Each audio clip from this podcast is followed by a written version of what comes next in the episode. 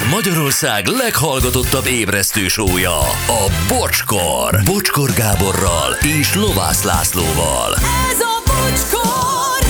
10 óra lesz 4 perc múlva, pár búcsú SMS is megyünk is. Sziasztok, drága Vokci, mintha visszacsöppentem volna a régi szőlőgyümölcs órákra. Kertészként végeztem. Jó volt hallgatni. Vokci nagy király vagy Zöldséges Zsolt. Mm. Uh-huh. Aztán eh, sziasztok, Csaba Szabadiban vettem egy házat, aki előtte ott lakott egy almafára, három különböző almafajtát oltott be, három főága másféle almát termett. De jó, ez főnyeremény. Tök jó. Igen. Ma is volt minden lilazakó, zölduborka, jó sok miatyánk és voga, már csak porcukor volt a sütire. A fanyalgóknak üzenem, hogy mi valóban szeretjük ezt a műsort, nyálcsorgatás nélkül jók vagytok, Évi. Ó, tudom, köszi. Évi, és tudom, hogy a többség az, az nagyon nagy jó fej.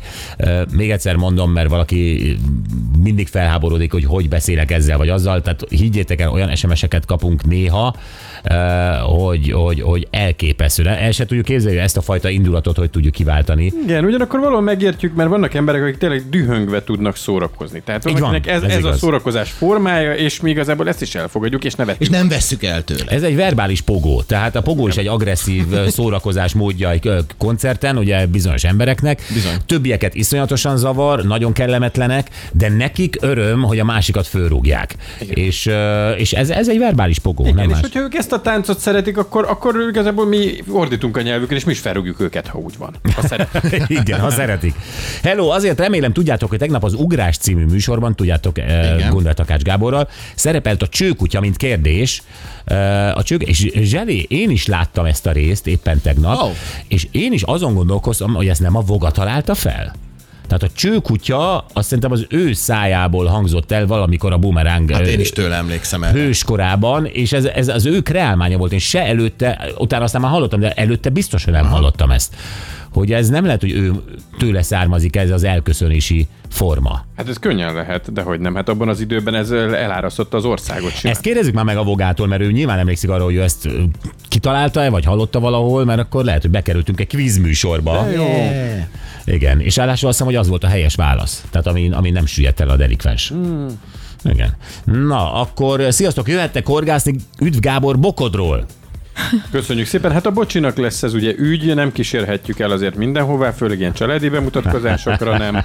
De Csákány legyen. Jelzzünk, hogy mikor érkezik. Csákán legyen, mert szeretném a, a halat kiemelni.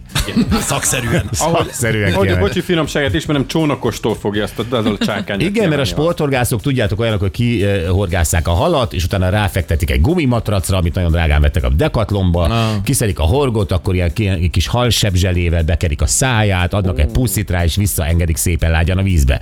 De ez nem tud megtörténni, hogyha én egy sákányt vágok a fejébe. Nem, ez semmiképpen. Hát Ott, Ezt vissza lehet ereszteni. meg- nem, nem használ a halzselé. Abból már nem lesz semmi. Nem, én azért horgásznék, mert megenném. Tehát ilyen téren mindegy. Na jó, eh, együtt erről Vágó Piros, itt van már gyönyörű prém gallérban ma. És mindenkihez van egy kedves szava. Én ezt bírom, hogy megérkezik, és mindenkihez. Tényleg. Igen, és jó csodálkozó, hogy neked is. És legalább a piros. Ó. Tök jó. én nem így vettem észre, azt hittem, az nem volt kedves. Na jó, akkor őt fogadjátok tárt karokkal, és bennünket holnap reggel 608. Viszlát.